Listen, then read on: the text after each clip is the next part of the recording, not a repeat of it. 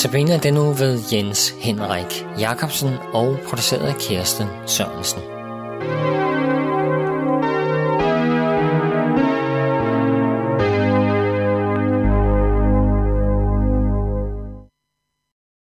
God aften. Vi er i påskeugen på vej mod påske. Vi kalder det også for den stille uge. Og jeg har som overskrift valgt ordet vejen, særligt med henblik på, at vi følger Jesus på hans vej mod Jerusalem, hans vej mod lidelsen, døden og korset og graven. Men det er en vej, som også siger noget til os på vores livsvej. Og øh, overskriften i aften, det er vejen til paradis. Og vi vil høre om de to røvere, de to forbrydere, som blev korsfæstet og henrettet sammen med Jesus, en på hver side af Jesu kors. Og det er fra Lukas evangeliet kapitel 23, og jeg har også de andre dage læst tekster fra Lukas evangeliet. Den ene af de forbrydere, som hang der, spottede ham og sagde, Er du ikke Kristus? Frels dig selv og os. Men den anden satte ham i rette og sagde, Frygter du ikke engang Gud, du som har fået den samme dom, og vi har fået den med rette. Vi får kun løn som forskyldt, men han har intet ondt gjort. Og han sagde, Jesus, husk på mig, når du kommer i dit rige. Og Jesus sagde til ham, Sandelig siger jeg dig, i dag skal du være med mig i paradis.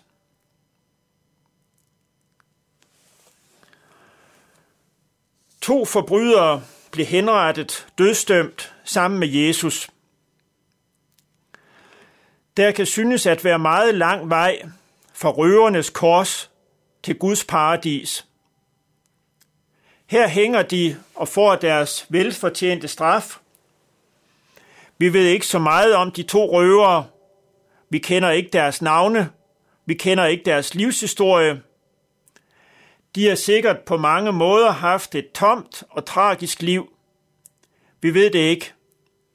Vi ved kun, hvordan deres liv endte. Det endte med en tom og tragisk og ensom død. Kynisk begynder den ene at spotte ham, der hænger i midten. Er du ikke Kristus, så frels dig selv og os. Han siger det nok med en vis sarkasme. Han samler ligesom den sidste bitterhed her til, til allersidst.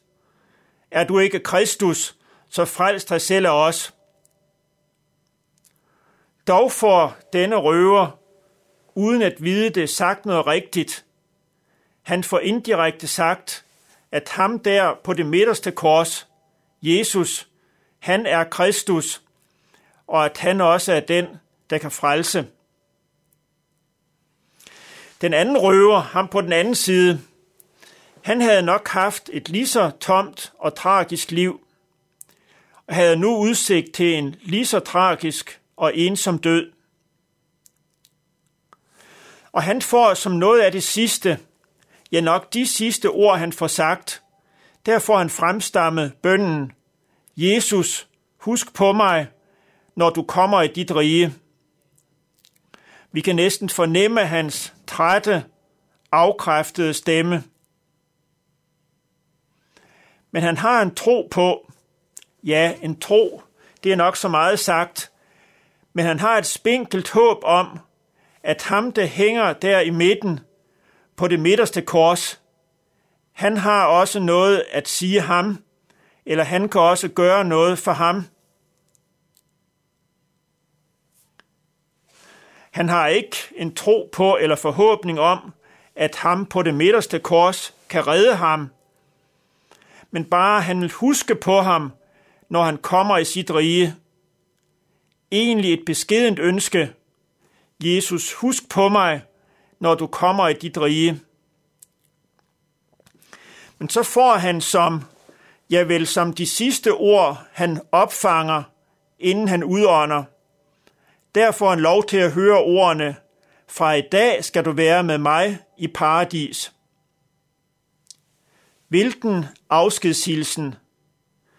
Der kan virkelig synes at være langt fra denne røvers tragiske livsskæbne og dødskæbne, og så det paradis.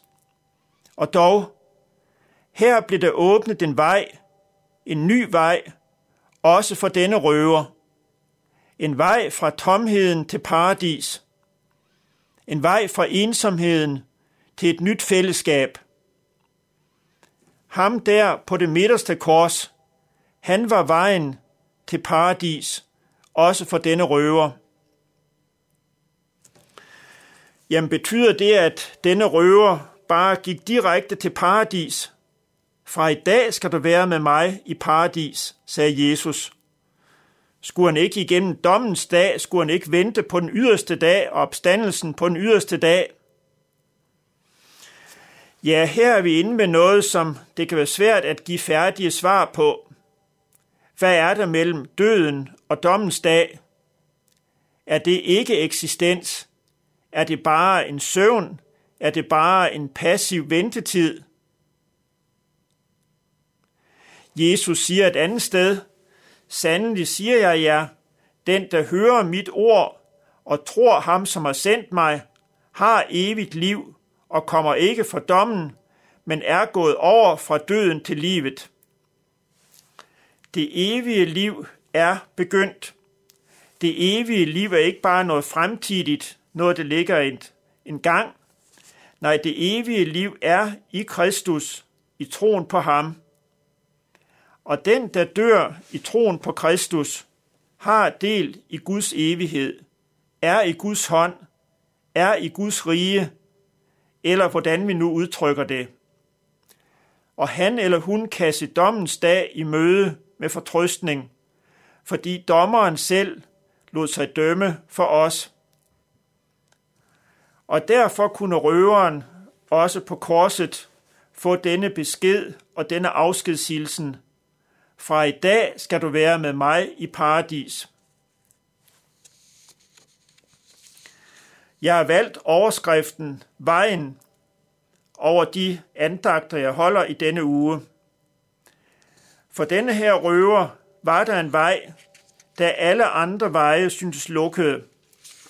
Det var en vej til paradis. Vejen til paradis er ikke brolagt med vores gode eller fortjenstfulde gerninger, vores mere eller mindre vellykkede liv. Nej, vejen går om af ham, der hang der på det midterste kors. Han har banet vejen, som nu er åben for en røver og også for os. Lad mig og i min sidste stund det høre af din egen mund. I dag du være skal med mig i paradis i himmeri. Og så vil jeg ønske dig, som hører dette, nogle rigtig gode påskedage.